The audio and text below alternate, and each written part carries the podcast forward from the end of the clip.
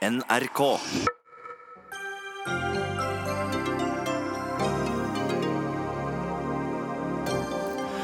USA rystes av ny skandale. Trumps valgkampleder er siktet for sammensvergelse mot USA og hvitvasking av penger, møter i retten nå i kveld.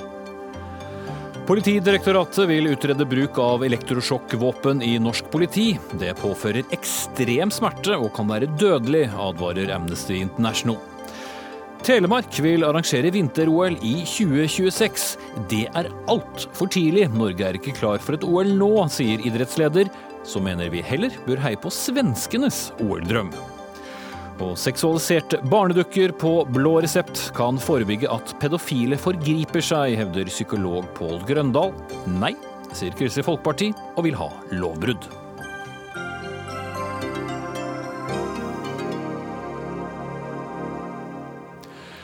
Da ønsker vi god kveld eh, og velkommen til Dagsnytt 18. Jeg heter Espen Aas, emneknagg på Twitter, Dags 18. Donald Trumps tidligere valgkampsjef eh, Paul Manfort, Manafort er siktet for eh, citat, 'sammensvergelse mot USA' citat slutt, og hvitvasking av penger.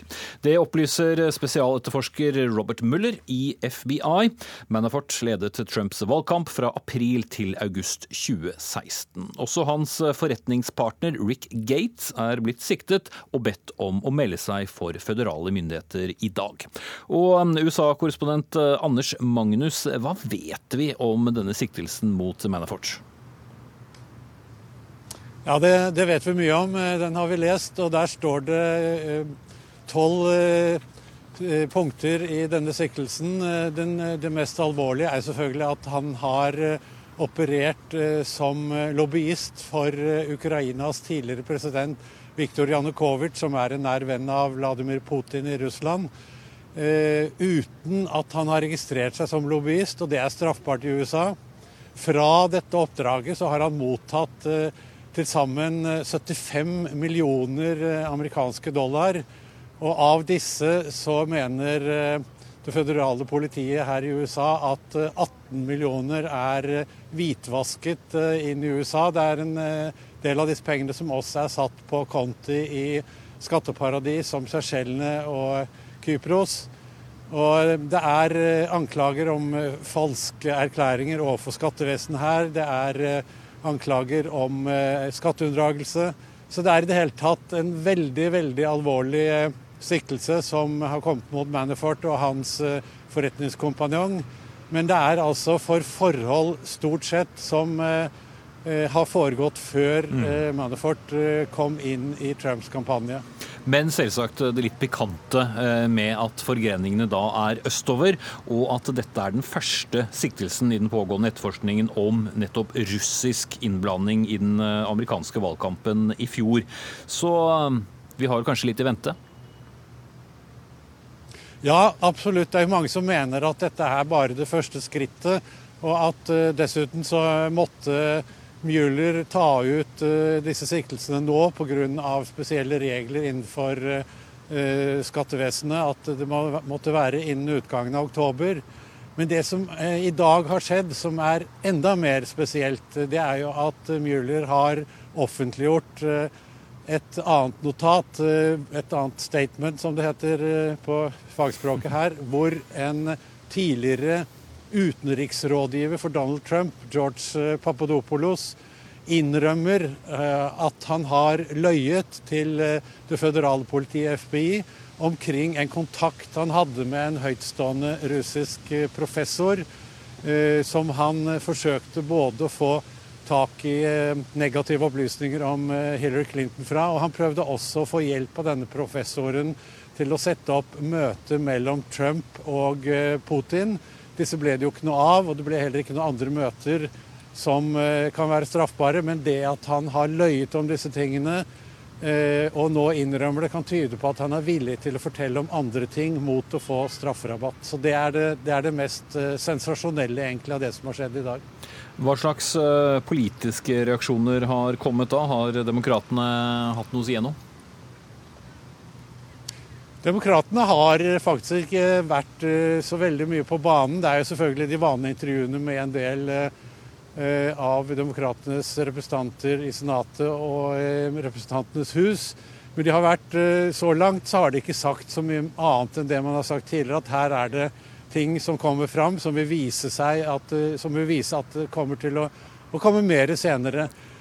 Den som har kommet med den kraftigste reaksjonen, det er jo kanskje presidenten selv, eh, Donald Trump, eh, som har tvitret selvfølgelig i dag og sagt at uh, disse tingene som Paul Manafort er anklaget for, skjedde lenge før Manafort kom til min kampanje. Så det har ingenting med, med meg å gjøre. Men hvorfor er det ikke nå noe fokus på Crooked Hillary, som han skriver om Hillary Clinton og demokratene? Og det han sikter til da, er jo Eh, det, disse siste nyhetene som har kommet om eh, det såkalte notatet, og hvem som har eh, om demokratene har finansiert det. Det er et notat som er utarbeidet av en britisk etterretningsagent. Og også anklager om at Clinton-familiens stiftelse har fått masse penger til gjengjeld for en uranavtale som russerne har fått i stand med dem under Obamas presidenttid. Takk skal du ha, Anders Magnus. Med oss i studio, Vårin Alme, kommentator på nettstedet amerikanskpolitikk.no.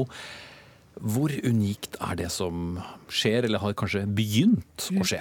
Altså, hele dette springer jo ut fra en veldig unik situasjon. Det begynte jo i 2015 med denne avsløringen om at Hillary Clinton hadde en e-postserver som hun hadde brukt som utenriksminister, og så rullet det videre med hacking og informasjonstyveri av Det demokratiske partiet, og Obamas da offentliggjøring av at de så på dette som en Kreml-ledet påvirkningsoperasjon mot det amerikanske valget for å prøve å sverte Clinton og få Trump valgt, og sannsynligvis da sverte, altså svekke det demokratiske partiet og tilliten til demokratiet demokratiske institusjoner. Så Det er jo bakteppet her. Og det var jo også mandatet uh, Müller ble satt i gang for å etterforske.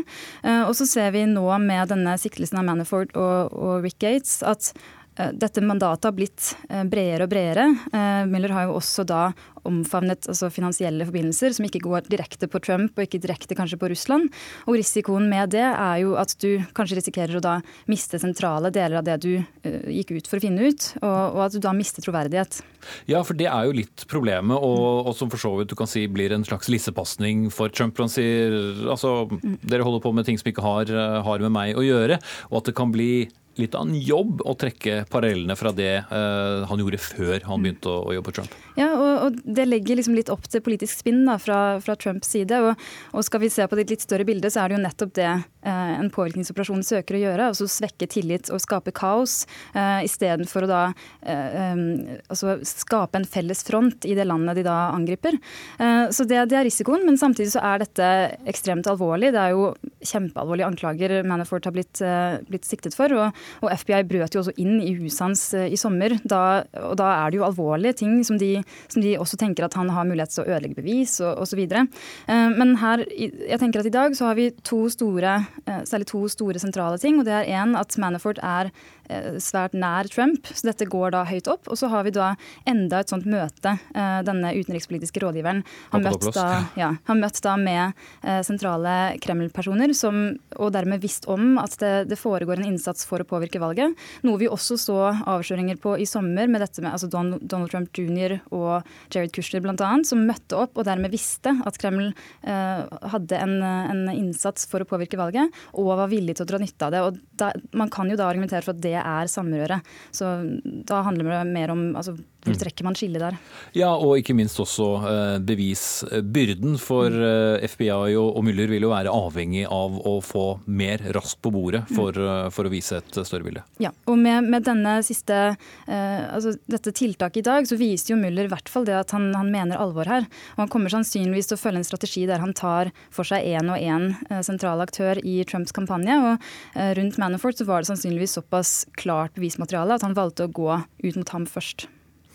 Men eh, foreløpig så kan vel da, eh, som vi var inne på, president, eh, president norsk, Trump sitte ganske rolig i båten og fortsette å vise til at han ikke kunne vite hva som skjedde før han ansatte ham? Ja, altså, Foreløpig så kan han spinne dette her og, og altså, skylde på demokrater som er bitre over valgresultatet og snakke om en slags altså, heksejakt og en hoax, som han sier. og, og få for så vidt klangbunn for det, men, men så avhenger jo resten av hva er det Mueller kommer til å avsløre videre. Eh, og rundt dette møtet med da bl.a. sønnen hans Jared Kushner, så fikk vi jo skriftlig bevis på at de hadde visst om russiskledet eh, påvirkningsinnsats, og at de var villige til å dra nytte av det. Og mer klart enn det blir det nesten ikke. Men det virker jo ikke som demokratene helt tør heller å, å kaste seg over det, selv om det er for all del eh, tidlige dager? Ja, altså Man har jo sett krass kritikk fra dem, men det er jo også risikoen med en sånn langtrukken eh, prosess. ikke sant? Altså Folk utmattes litt. Rann, og, og, det er en kompleks sak. Det er ulike etterforskninger som pågår, og den kommer sannsynligvis til å trekke ut i lang, lang tid. Så, så dette her er nok noe som vi bare må smøre oss med tålmodighet for. Det blir ikke kjedelig i amerikansk politikk nå heller. Takk skal du ha, Vårin eh, Alme. Og vi hørte også vår USA-korrespondent Anders Magnus tidligere. Dagsnytt 18 alle hverdager kl 18.00 på NRK P2 og NRK2.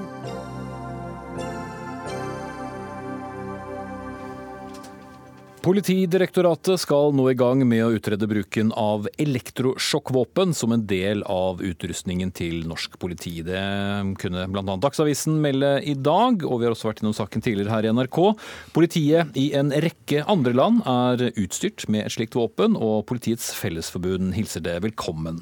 Men eh, før vi går til selve debatten, så skal vi starte med deg, Gjermund Hagesæter, tidligere stortingsrepresentant og tidligere statssekretær for Fremskrittspartiet.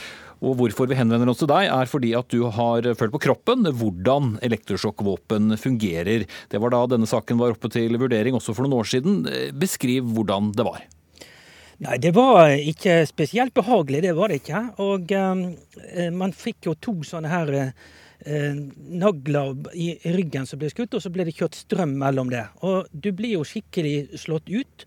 Og uh, man, det føltes også mye lenger enn de fem sekundene det var. og Eh, det var ganske ubehagelig, og hvem som helst hadde greid å få på meg et håndjern etter jeg hadde blitt skutt med elektrosjokkvåpen. Og eh, ja, jeg ønsket ikke å gjøre noe Altså, du, du, eh, du, ønsket ikke å bli skutt igjen, for å si det sånn. altså. Så, så, jeg mener at dette er et veldig effektivt våpen, og det er langt mindre farlig enn alternativet er. Så jeg syns det er positivt at man skal nå ha en konseptutredning på dette her. Og, og, men så er det jo selvfølgelig det at det må være en høy terskel for bruk av elektrosjokkvåpen. Det er ikke slik at politiet skal liksom springe rundt og, eh, og bruke dette her i tide og utide. Det må være en like høy terskel for det som når det gjelder skarpe våpen. Eh, bortimot, i hvert fall.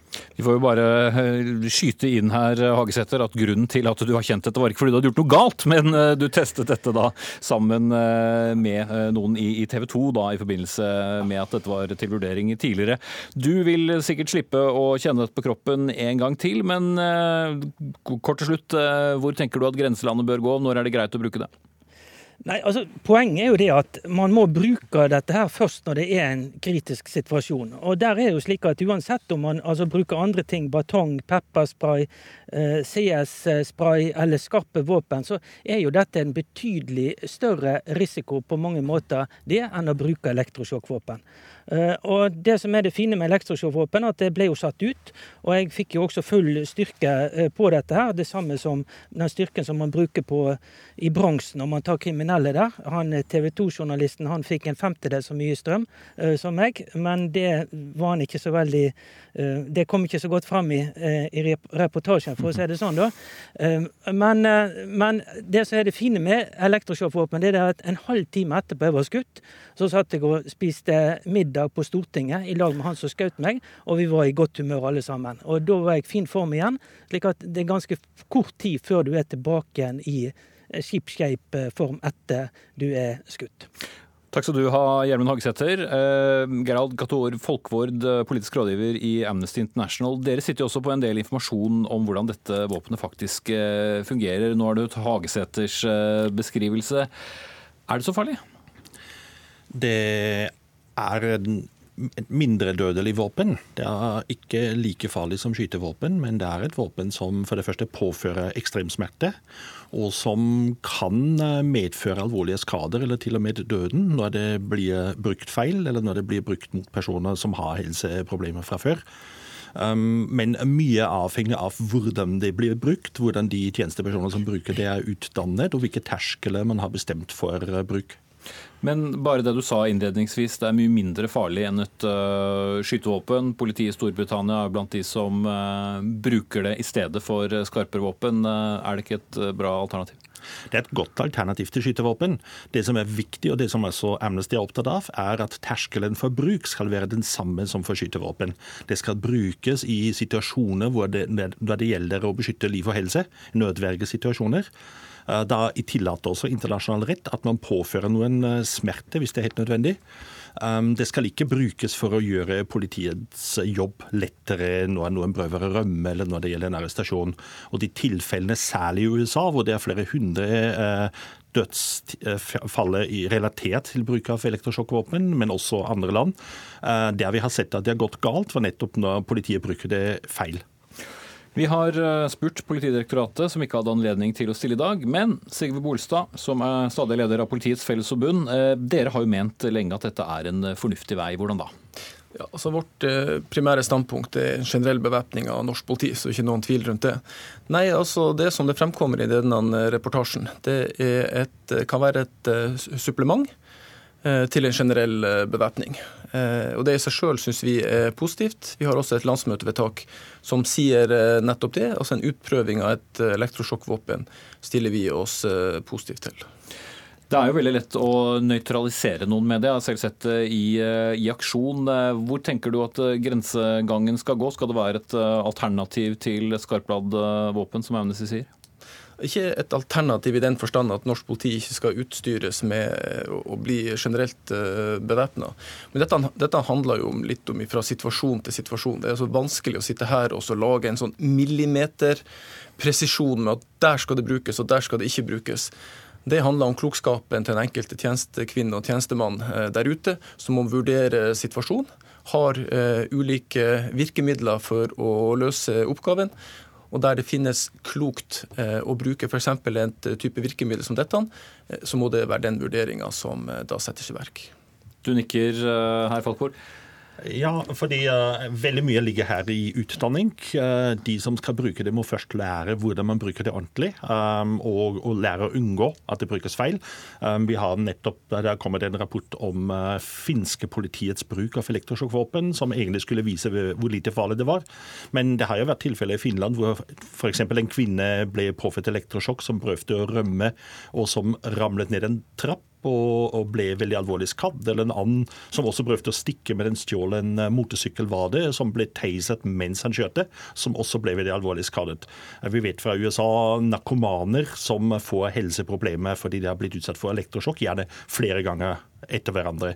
Og det, er, det vil si Man trenger veldig god utdanning til det, og ikke minst man trenger veldig gode rutiner også i etterkant. Hvordan skal dette rapporteres på? Det er det vi er opptatt av. Vi, vi må også si at Hittil uh, mener jeg at norske myndigheter har gjort akkurat det de skal. Det har vært en god utredning. Nå skal dette ses på av politiet, av de som faktisk skal bruke det. Så hittil er jeg egentlig ikke bekymret for hvordan dette håndteres i Norge. Men jammen har vi snakket om dette i mange år, Bolstad? Ja, nei, Jeg støtter alt som blir sagt. Altså Det at man skal ha et politi som utviser klokskap og som skal være kompetent. Begge de to tingene har vi i dag. Eh, det, det må det ikke være noen eh, tvil rundt. Men det vi har vært veldig tydelige på, det er at det mangler noen redskap til i den eh, verktøykassa. Og Vi som sagt, vi har vært positive til å prøve ut elektrosjokkvåpen. Og Jo mer kunnskap og kompetanse du får rundt det i forhold til andre land, og i forhold til de som har blitt testa på det, som Hagsæter her f.eks., jo bedre i stand er man til å bruke det. Men nok en gang, det må ikke erstatte eh, Pri1, eh, og det er en generell bevæpning av norsk politi.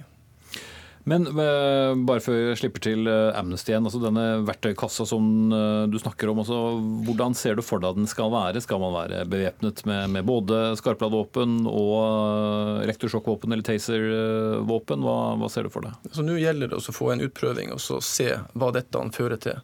Og Det er vi positive til. Det har vi vært positive til siden vedtaket ble fatta i, i, 2011. Eh, og så må eh, norsk politi og fagmiljøene og, og, og her vil nok politikerne også ha sitt å si, og det er veldig forståelig. Eh, for dette vil gjøre noe med måten å løse opp, opp, oppgaver på, og det handler litt om samfunnsoppdraget. Så full forståelse for det. Og så må man etter en vurdering eh, finne ut hva er man best tjent med. Det kan være at man finner ut i Norge at elektrosjokkvåpen det er man ikke tjent med i det hele tatt her. Og så kan det være at man finner ut at det er man tjent med som en grensegang mellom eh, pepperspray og batong. Eh, og så har man et elektrosjokkvåpen, og så har man en generell bevæpning. Men det gjenstår å se i forhold til behovet. Men det er ikke en fare for en viss eskalering da, i det øyeblikket dere går med et elektrosjokkvåpen på hofta, og det, mm, man i en demonstrasjon hva som helst ser at politiet nå er mer bevæpnet enn tidligere, og at det kan være mer provoserende? Eller tenker du omvendt? Det handler om kunnskap, kompetanse, klokskap. Det, et sånt politi har vi heldigvis i, i dag, eh, så det frykter jeg ikke. Hva sier dere i Amnesty? Er det såpass eh, beroliget av eh, mange års debatt og, det, de signalene som kommer fra Bolstad og politiet her? Ja, så lenge er vi ganske rolige. Som sagt, utredningen, måten man håndterer dette på, er betryggende. Men eh, når dette tas i bruk, så må vi selvfølgelig følge med og se på hvordan brukes det. Jeg kommer tilbake til den finske rapporten som forteller oss at uh, i over, De prøver egentlig å fortelle hvor, hvor, bra dette er. og De sier at i over 50% av tilfellene har man brukt situasjoner der liv eller helse stått i fare. Og det med andre ord i litt under 50% har man brukt det i situasjoner hvor det egentlig ikke skulle brukes. For det én ting må vi også være klar på. Um, det å påføre, Hvis en tjenesteperson påfører noen ekstrem smerte eller lidelse uten at det er helt nødvendig en nødvergesituasjon, så snakker vi om tortur eller annen mishandling, og det er alltid forbudt. Så terskelen må være veldig klar, og det må være veldig streng. Uh, men uh, så må vi se hvordan det, hvordan det brukes i praksis. Men ikke entydig negativ, åpenbart? Ikke entydig negativ, nei. Eh, men det er kanskje også en viss fare for at vi må, vi må gjennom noen debatter og noen tilfeller hvor eh, det har blitt brukt i, i, situasjoner som vil være diskutable før uh, vi finner ut hva som er riktig. Men du, du, ser ikke for deg dette som et typisk dødelig våpen? Ikke sånn, i, uh, ikke sånn i, utgangspunktet, men man skal være ydmyk. altså Når man tenker å innføre noe, så skal man også være ydmyk uh, og så lytte. Så det, Jeg syns det er gode signaler som kommer fra, fra Amnesty her. Bare så Eh, bare så det er sagt. Men det, det handler til syvende og sist om hvilke typer samfunnsoppdrag er det norsk politi er satt til å skal løse. Eh, og i skarpe situasjoner, og de er de heldigvis få, bare så det er sagt, i det daglige så klarer man seg med klokskap og prate seg ut av situasjoner, heldigvis. Og det er den klare majoriteten. Men i skarpe situasjoner der noen kan springe ifra, må politiet springe til. Og Det er derfor det bl.a. er viktig å lytte til politiet. Når det gjelder debatten og sånn, så må jeg egentlig si altså etter vedtaket som ble fatta på landsmøtet i Politiets Fellesforbund i, i 2012, så jeg syns det, det, har kommet mye, og vært gjort mye, og vært mye debatt bare på, eh, på, fem år. Så jeg er positivt eh, overraska over hvordan både samfunnet har tatt det, og som sagt, jeg syns det har vært nyttige debatter. og De debattene må vi ha. Er, her er det umulig å trumfe gjennom eh, noen ting. Her, her må vi lytte til mye klokskap. Men eh, helt til slutt, når eh, håper du at eh, dine medlemmer da kan begynne å prøve dette ut? Ja, det er når alt er klart og alt er på plass, og man finner at det er formålstjenlig og forhåpentligvis ikke om for lenge. Ok, Takk skal du ha, Sigurd Bolstad, leder for Politiets Fellesforbund, og Gerald Kador Folkvord, politisk rådgiver i Amnesty International. Og vi hørte også Gjermund Hagesæter, tidligere stortingsrepresentant og tidligere utprøvd med elektrosjokkvåpen.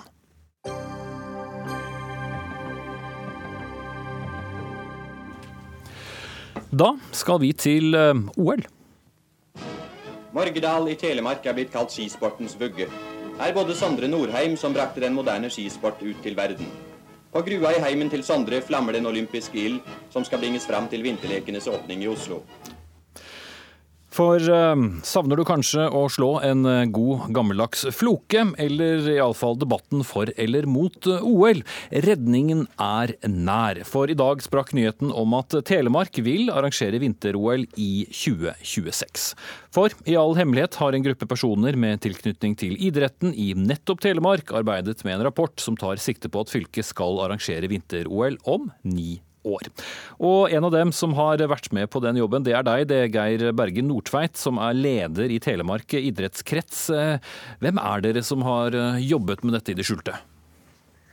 Dette er et initiativ som kommer fra grunnplanet i norsk idrett, fra to idrettsråd i Notodden og eh, på Tinn.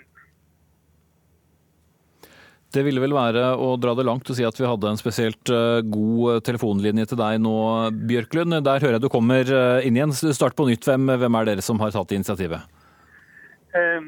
Vi er vi representerer grunnplanen i norsk idrett, og initiativet det kommer fra to idrettsråd i Notodden og i Rjukan eh, Tinn. Hva er grunnen til at dere har fått denne ideen om å søke om å få arrangere OL?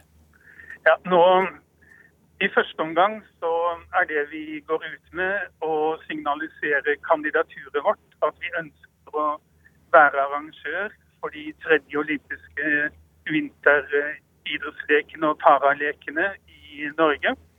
Det tror vi at eh, Norge kommer til å gjøre en eller annen gang, helst i 2026 eller 30. Og da tok det jo helt av i dag, eh, for meldingen har jo bare gått ut eh, knyttet til en spektakulær pressekonferanse på toppen av Gaustatoppen i morgen klokka tolv. Slik at Foreløpig så er det kandidaturet vårt vi har gått ut med, og så vil vi gjerne utdype og forklare hva, hvorfor og hvordan i morgen. Med unntak av kanskje noen NM, så er det ikke alle som husker eh, nødvendigvis de store skiarrangementene fra eh, Telemark. Hva gjør Telemark spesielt egnet? Nei, vi har, eh, vi har klart store løft før med verdensarv og utbygging av kunstgjødsel og store festivaler og arrangement. Og eh, i og for seg så er ikke vinter-OL og eh, para-OL noe stort arrangement. Det er, det er hele, hele, miljøet og oppbyggingen omkring. Arrangementsmessig så mener vi at vi har eh, full kompetanse og erfaring i å kunne takle noe slikt. Men som sagt, det kandidaturet vil vi gjerne utdype i morgen. Og så er det sikkert noen som vil si at, eh, at tidspunktet er galt. Eh, tidspunktet er bestandig galt. Vi mener mhm. at eh, det er riktig å annonsere kandidaturet vårt nå. Og så vil ikke vi snakke om et tradisjonelt OL slik som vi kjenner det. Det er ikke bærekraftig, og det er noe vi vil ta opp. Og som vi syns at Norge som vinteridrettsnasjon også har et ansvar for å ta tak i. Det var såpass spennende at det må jeg nesten spørre om du kan utdype litt? Nei, da ta turen til Gaustatoppen i morgen. Og 1883 og utsikt over store deler av Sør-Norge, så får du kanskje litt perspektiv på at dette er fornuftig å gjøre. Det er vel ikke umulig at dette får litt oppmerksomhet i, i, morgen også. Vi forstår det slik at uh, idrettsbevegelsen i Telemark også ønsker å få med seg Buskerud og Vestfold i en søknad til IOC om å få arrangere OL. Hva ser dere for dere? En, uh, en stor del av, av Sør-Norge? Jeg ser for meg samarbeid med gode parter og masse initiativ og innspill. Og eh, det får du høre mer om i morgen. Det var eh, reklamen. Da tror jeg vi sier eh, foreløpig takk til deg, Knut Bjørklund, og din mobillinje, og som du har Nordtveit, unnskyld. Og så skal vi til Knut Bjørklund, som er leder av Troms idrettskrets. Og du var jo en av dem som ikke ville ha et OL til Oslo. Hva tenker du om Telemark? Nei, jeg tenker det her er altfor prematurt, som man sier det i dag. Det har gått altfor kort tid siden forrige nei til OL. Vi har to uh, OL-debatter som har endt med havari for idretten, altså nei til, til OL. Og det går altfor kort tid. Sist vi uh, da fikk neiet, var vi langt på vei enige om, de fleste av oss, at vi nå skulle ha en OL-debattfri OL periode. Der vi kunne konsentrere oss om uh, de viktige ting i norsk idrett. uten å være, ha et forstyrrende OL-debatt som går parallelt. Vi må huske at beslutningen som fikk store konsekvenser. Vi har en president som fant det best at han gikk av. En generalsekretær som har måttet gå av. Og vi har hatt en krevende åpenhetsdebatt eh, som har ført til en meget spent situasjon mellom idrettspresidenten og kulturministeren. en situasjon som så langt bare har skada idretten. Så hva sa du da du hørte eh, nyheten i dag? Nei, jeg tenkte at uh, bevare meg vel. Uh, har, har, man ikke annet å tenke på dette? Rett og slett fordi at det ser ut som at det går tre år imellom. Det er tre år man klarer å holde seg, så kommer man på banen igjen. det er det meste som kan skje. Vi får huske på det at Sist hadde vi elleve år da prosessen starta mot 2022. Og jeg kan si at med ni år det er rett og slett utopi om idretten skal være enig, og det er vi aldeles ikke. Eh, sportskommentator i Dagsavisen Reidar Solli, hva skal til for at Telemark får eh, arrangere OL, tror du? Da skal de eh, legge fram et usedvanlig spennende og, godt konsept på Gaustatoppen i, i, i, morgen. Det spennende som man, som man antyder, er at dagens OL ikke er bærekraftig. Så, så de har tydeligvis noen planer som da verden ikke har sett før. Og Vi skal jo i hvert fall få se dem før vi skyter det helt ned. Men uansett hva de kommer med, så vil jeg anse 2026 som totalt urealistisk. Fordi det er for kort tid? Det er for kort tid. Men at Norge på sikt vil ha et vinter-OL igjen, det syns jeg er ganske naturlig som eh, vintersportnasjon nummer én. Men uh, vi må ha et helt nytt konsept. Uh, det må også skje endringer i IOC innen den tid. De holder jo på med en, en, en reformprosess som heter Agenda 2020 som ikke har kommet spesielt langt. Det er eh, problematisk med å finne nye arrangører. Så hvis, eh, Skien, nei, Skien, hvis Telemark kommer med et, et konsept som, eh, som, endrer vinter-OL, så skal vi i hvert fall få, få, se på det med stor interesse. Vi har snakket med Gerhard Heiberg i dag, som ikke ønsket å stille i studio, men som syntes det hørtes flott ut med, med OL i Norge. Ønsket seg nok heller arrangementet til Lillehammer. Men Knut Bjørklund, du kjempet jo for at Tromsø i sin tid skulle få arrangere OL. Mistet du så lysten den gang at du tenker at det må gå mer tid? Ja, for å si det slik. Vi har i alle fall klokelig eh, holdt stilt om eh, nye OL-planer i nord siden da. Og, og, det vil vi fortsatt gjøre, fordi at vi må ha en OL-fri periode i Norge. rett og slett, at Vi kan konsentrere oss om de viktige oppgaver. Husk at idrettsstyret selv har sagt at vi trenger 1 milliard hvert år for å ta inn etterslepet på, på uh, idrettsanlegg i Norge. Og vi er faktisk ikke i posisjon sånn rent politisk til å få tak i den milliarden engang. Og så skal vi sette i gang med å snakke om et nytt OL det er rett og slett så umusikalsk at jeg hadde forventa noe mer fra Telemark. Og jeg synes jo rett og slett at skal man først tenke sånne tanker, så lønnes det å lufte litt på kammerset før man går der opp på Gaustatoppen. Så jeg synes rett og slett at her handler man uklokt. Og man har lite respekt for det organisatoriske i Norges idrettsforbund. Rett og slett når man nå ønsker å slippe en ny sånn en, jeg vil kalle det en liten bombe løs inn i idrettsorganisasjonen. Sorry. Norsk idrett har en utfordring med Det er, det er veldig stor arrangørvilje i, i norsk idrett, men den er ikke samkjørt. Det tror jeg de, eh, et idrettsting burde, burde, ta tak i. Nå har vi nettopp lagt bak oss et sykkel-VM i Bergen, som var en lokal folkefest der borte, men som sannsynligvis blir en økonomisk katastrofe. Eh, Trondheim vil ha ski-VM i 2023. Det er ganske sannsynlig at de vil få det. Det er da kort tid før et eventuelt OL. Eh, Lillehammer-regionen snakker om alpin-VM i, i Kvitfjell. Dette er store arrangementer. Dette, er, dette, krever store offentlige tilskudd. Og jeg tror at eh, Det hadde vært en fordel om norsk idrett nærmest samlet seg om eh, hva kan vi arrangere og hva bør vi arrangere her i landet, før vi går på en ny OL-debatt. Men er det ikke litt spennende, da, som eh, Geir Berge Nordtveit sa på denne sprukne mobillinjen, om grasrota som vil samle seg og vil på en måte vende kursen litt ut fra alle disse storslåtte, overdådige og ikke minst ellevilt dyrearrangementene? dyre arrangementene? Jo da, og det er nettopp det OL trenger. Man trenger en, et OL i et helt nytt format, som gjør at uh, i gåseøynene normale land kan arrangere det. Eh, derfor skal vi i hvert fall la, la, la, vente til å høre hva de sier på Gassatoppen i morgen, og, og, hvordan de lager et konsept som, som ikke eh, sprenger alle økonomiske rammer. Bjørklund, du prøvde å komme inn her. Jeg ser jo at Det som har skjedd siden, siden debatten kom om at man skal nedskalere OL, så har vi opplevd Rio, vi får oppleve Nord-Korea, Nord-Sør-Korea, vi får oppleve Kina, altså Beijing. Og jeg tror ingen av de vil på noen måte gi oss en påminnelse om at vi er på rett vei ned til noen nedskalering. Så alt det med, som IOC snakker om, det er vel, vi mangler å se det omsatt til virkelighet.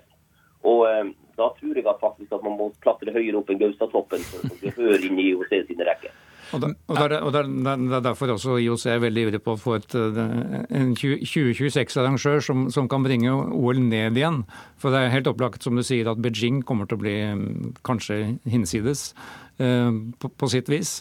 Og Da er utfordringen til, eh, til norsk idrett å, å finne, og finne nivået og hvordan et OL, framtidig OL skal se ut. Men har de helt tatt livets rett, eh, selv om det har vært noen positive eh, tilbakemeldinger i dag? Idrettspresident Tom Tvedt, som heller ikke ville delta i Dagsnytt 18, skriver i en pressemelding at vi i Norges idrettsforbund er positive til alle engasjementene rundt omkring i landet om å arrangere vinter-OL og Paralympics. La gå der generelt. Men mange savner vel kanskje noe som vi virkelig kunne samle nasjonen rundt når vi ser den elleville gleden som, vi, ja, som, du refererte til i Bergen, og som vi helt sikkert kommer til å se både i Trondheim og på Lillehammer hvis eh, disse arrangementene går som planlagt? Ja da, men vi trenger ikke det aller største formatet for å, for å la oss begeistre. Vi husker VM i Oslo i 2011, som også var en stor eh, folkefest her, her i byen. Eh, jeg tror eh, som Øklund sier at vi, vi, må la OL-debatten hvile litt, og så må vi heller eh, prøve oss å, å gjøre disse VM-ene bærekraftige på sitt nivå. For vi har mer enn nok utfordringer med å klare det. Og jeg tror Skal vi samle oss om noe i norsk idrett, må vi først samle oss om å praktisere åpenhet. Vi ser jo at allerede er det utfordrende når, man fra Sykkelforbundet skal kommunisere ut de tall som ligger bak VM i Bergen. La oss samle oss om åpenheten i norsk idrett. Det er en stor og viktig ting. Eh, så kan vi deretter begynne å snakke med sitt OL.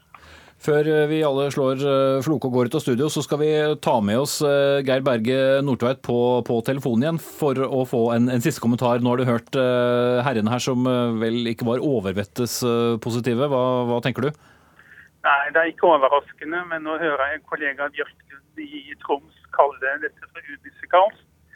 Nå vet jeg ikke hvordan det er med musikaliteten i Troms, men i, eh, i Telemark så er det stor musikalsk kompetanse, og vi har tenkt og, eh, og fundert mye. Og eh, jeg er bare bestyrket i at tidspunktet er riktig, og at det vi har gjort hittil, tegner til å, til å, å gi innhold til en fornuftig pressekonferanse i morgen.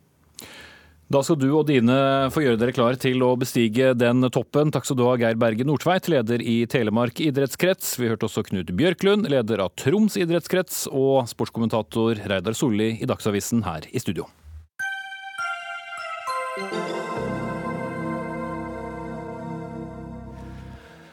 For um, første gang er en mann tiltalt for å ha bestilt en uh, såkalt seksualisert barnedukke. Rettssaken den startet uh, i dag i Fredrikstad tingrett. Tolletaten har det siste året beslaglagt et tjuetalls dukker som påtalemyndigheten mener bør bli forbudt her uh, i landet.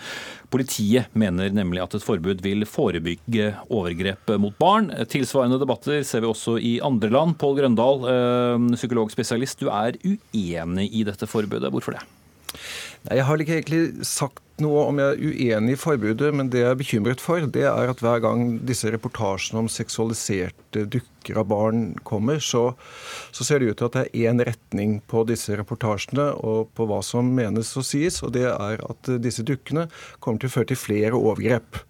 Det er et ledd i en sånn slags eh, overgrepsspiral hvor det starter i det små, og så øker det og øker det, øker det, og disse dukkene er på en måte liksom Eh, toppen av isberget, liksom, og så raser de videre. Jeg har nesten lyst til å snu på det. Hvordan, for det første, hvordan vet vi det? Vet Kripos det? Da vet de noe som vi forskere ikke vet. Jeg har gjort et litteratursøk på det. Det er ikke én artikkel om seksualiserte dukker og risiko for nye overgrep. Kan det hende at noen av disse dukkene faktisk stopper enkelte overgripere i så fall så er jeg faktisk nokså for disse dukkene, og i så fall er jeg da imot et forbud. Mitt poeng er at det kan gå begge veier. Mm. Men har du noe som backer opp det, det, du sier at det kan kanskje stoppe overgrep, eller er det like åpent som eh, det andre? Det er like åpent som det andre. Det jeg mener er at vi kan ikke kaste oss på det derre unisone koret om at dette er farlig, dette må forbys. fordi risikoen er da at uansett hva da mennesker med pedofil orientering mot barn gjør, så blir det gærent. Det vi må gjøre, er jo kanskje å, å skreddersy ulike tiltak for ulike mennesker.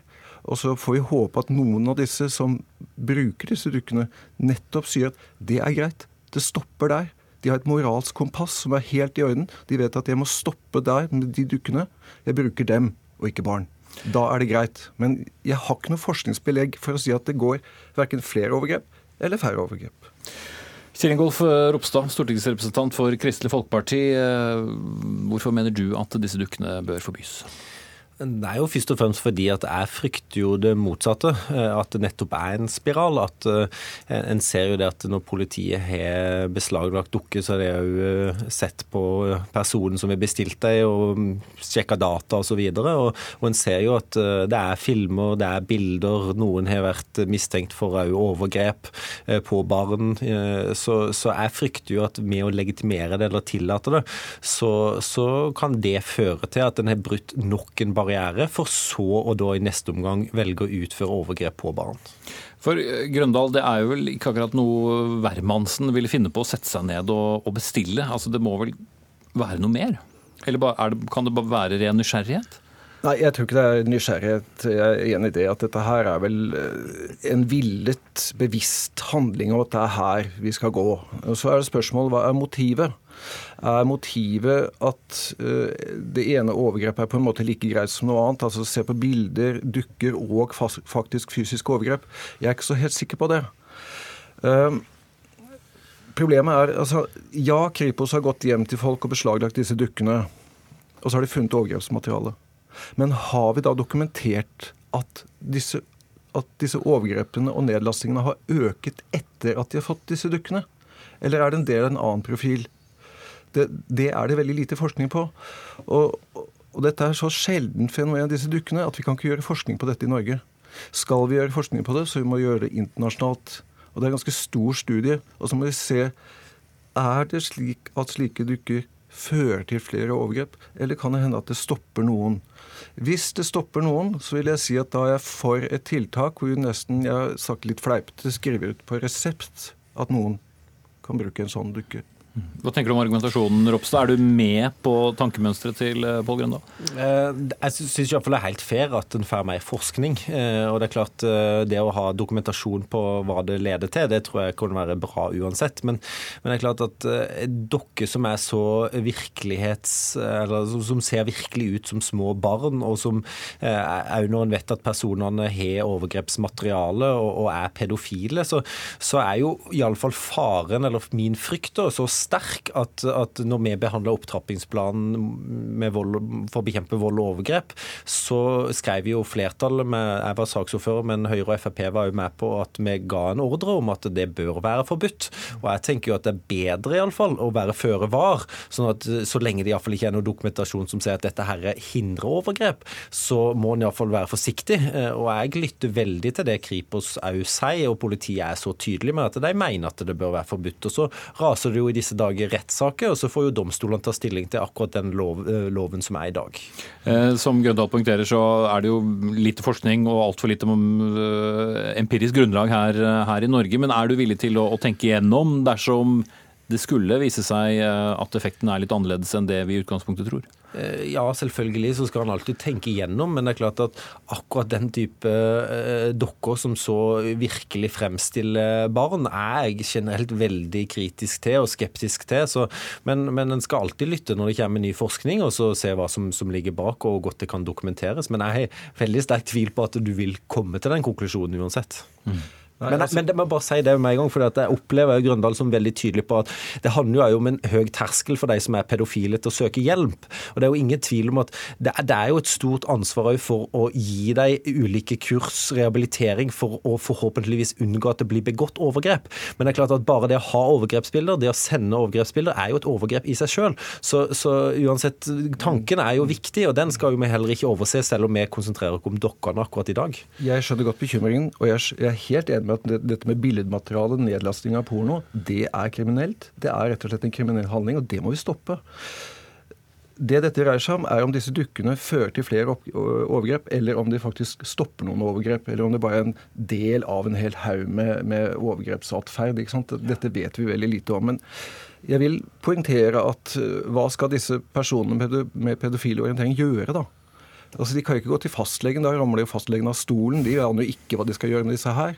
Eh, Det er gjort eh, uoffisielle undersøkelser om hvem av psykologer og psykiatere er interessert i å jobbe terapeutisk med disse her.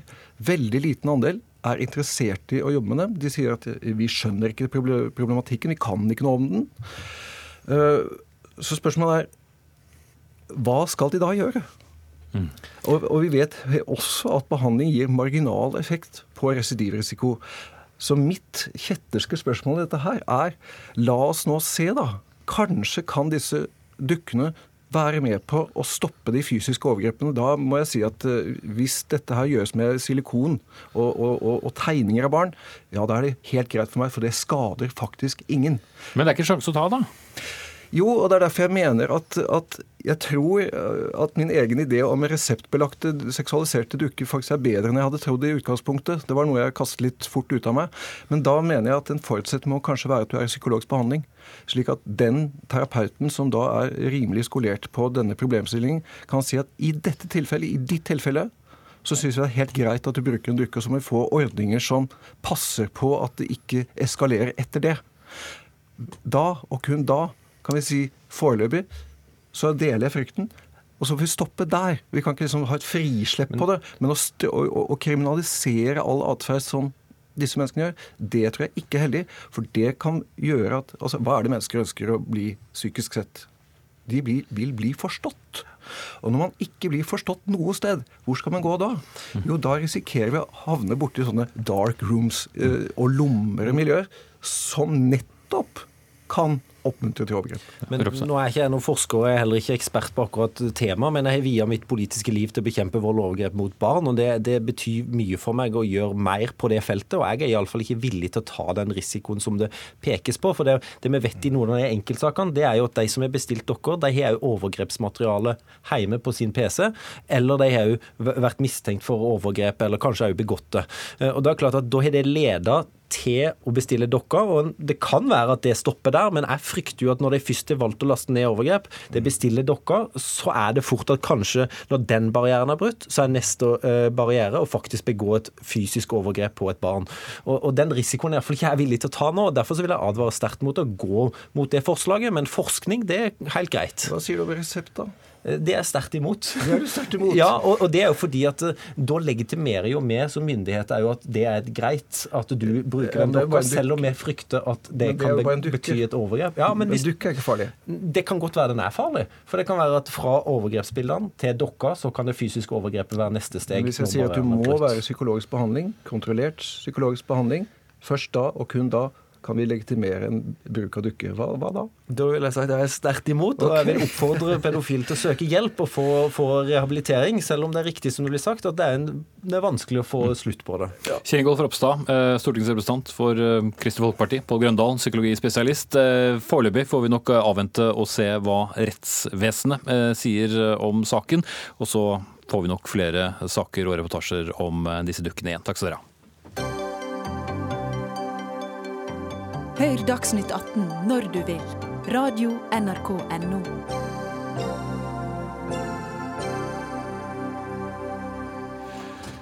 Så skal vi til Ålgård i Rogaland og Gjesdal ungdomsskole. For der har rektor ved skolen fått bukt med vold og uro ved å ansette miljøarbeidere.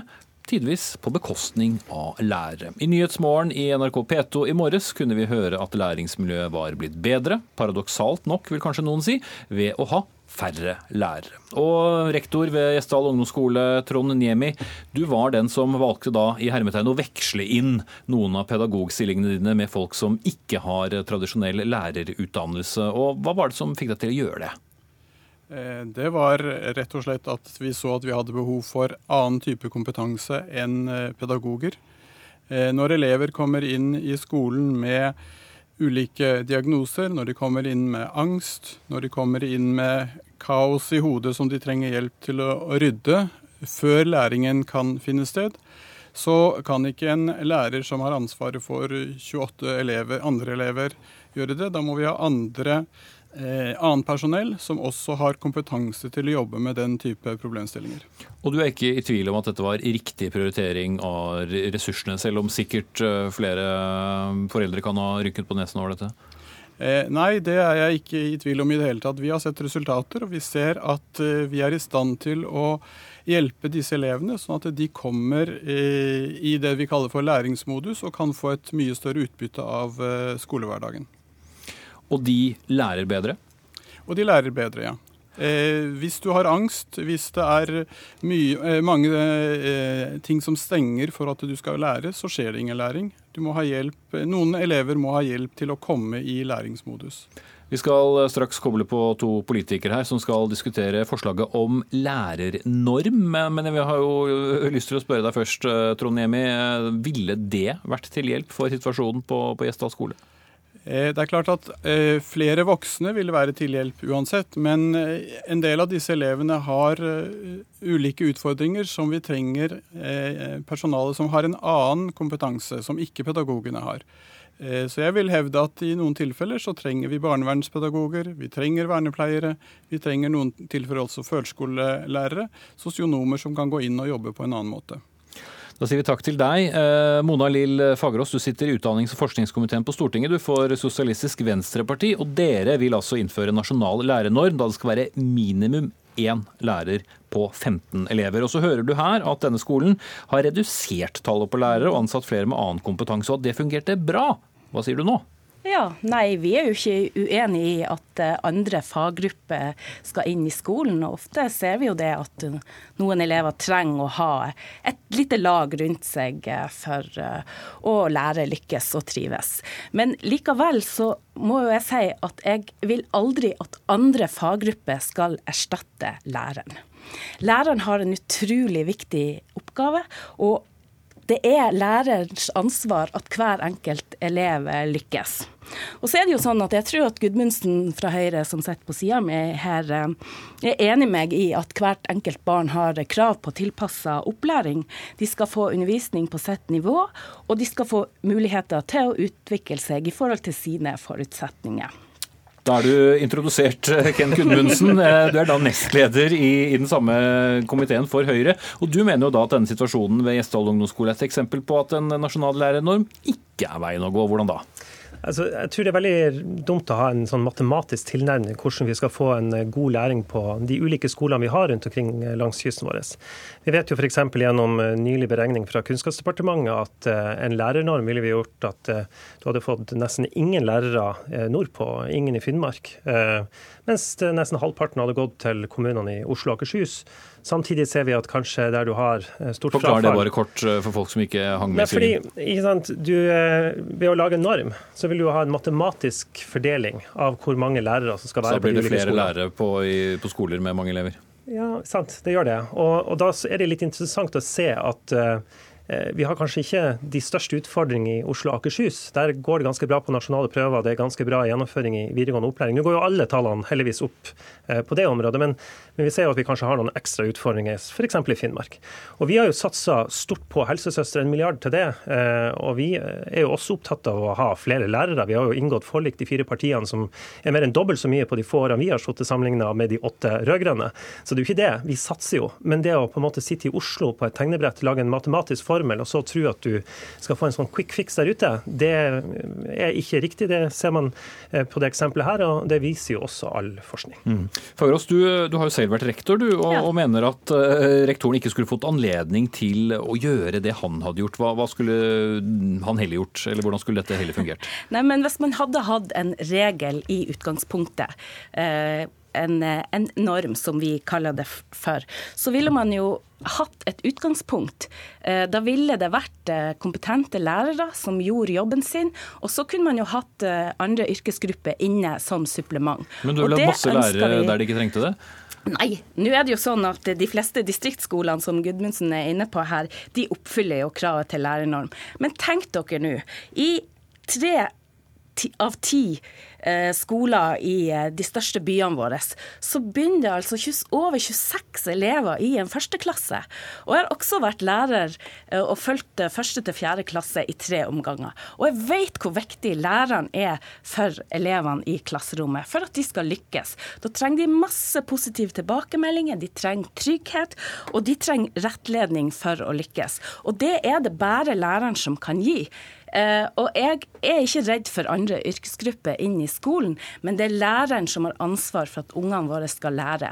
Og jeg mistenker jo Gudmundsen, når han er så imot denne lærernormen, som både Foreldreutvalget for grunnskolen vil ha, som lærerorganisasjonene vil ha, som Elevorganisasjonen vil ha, at han heller satser på skattelettelse til landets rikeste istedenfor å satse på framtida vår, på ungene våre.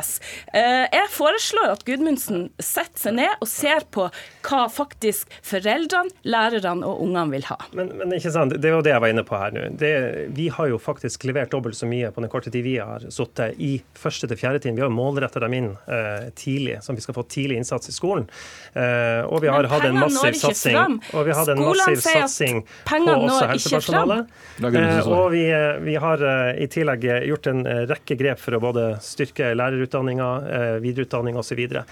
Sånn at dette her handler vel vel så mye om at hvis du skal se på behovet for antall faglærte pedagoger, altså faglærte lærere ute i norsk skole fremover de neste ti årene, så vil vi ha stor utfordring Eh, med å utdanne nok for å ta det behovet som vil møte oss. I forhold til både at det er en del ufaglærte i dag, eh, og vi ser jo at det er kanskje særlig i distriktene at man har problemer med å rekruttere.